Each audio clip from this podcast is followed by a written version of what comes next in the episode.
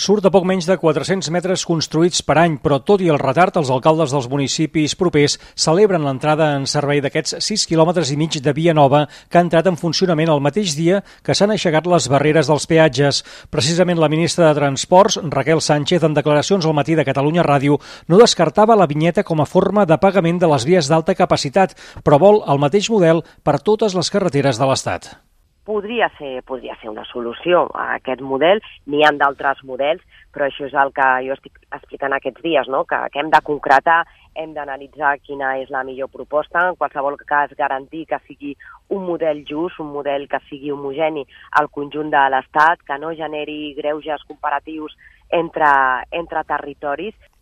Sánchez també ha assegurat que aquest mes agilitzaran altres projectes endarrerits a la comarca del Baix Llobregat, com la connexió de la Ronda Litoral amb la C-32.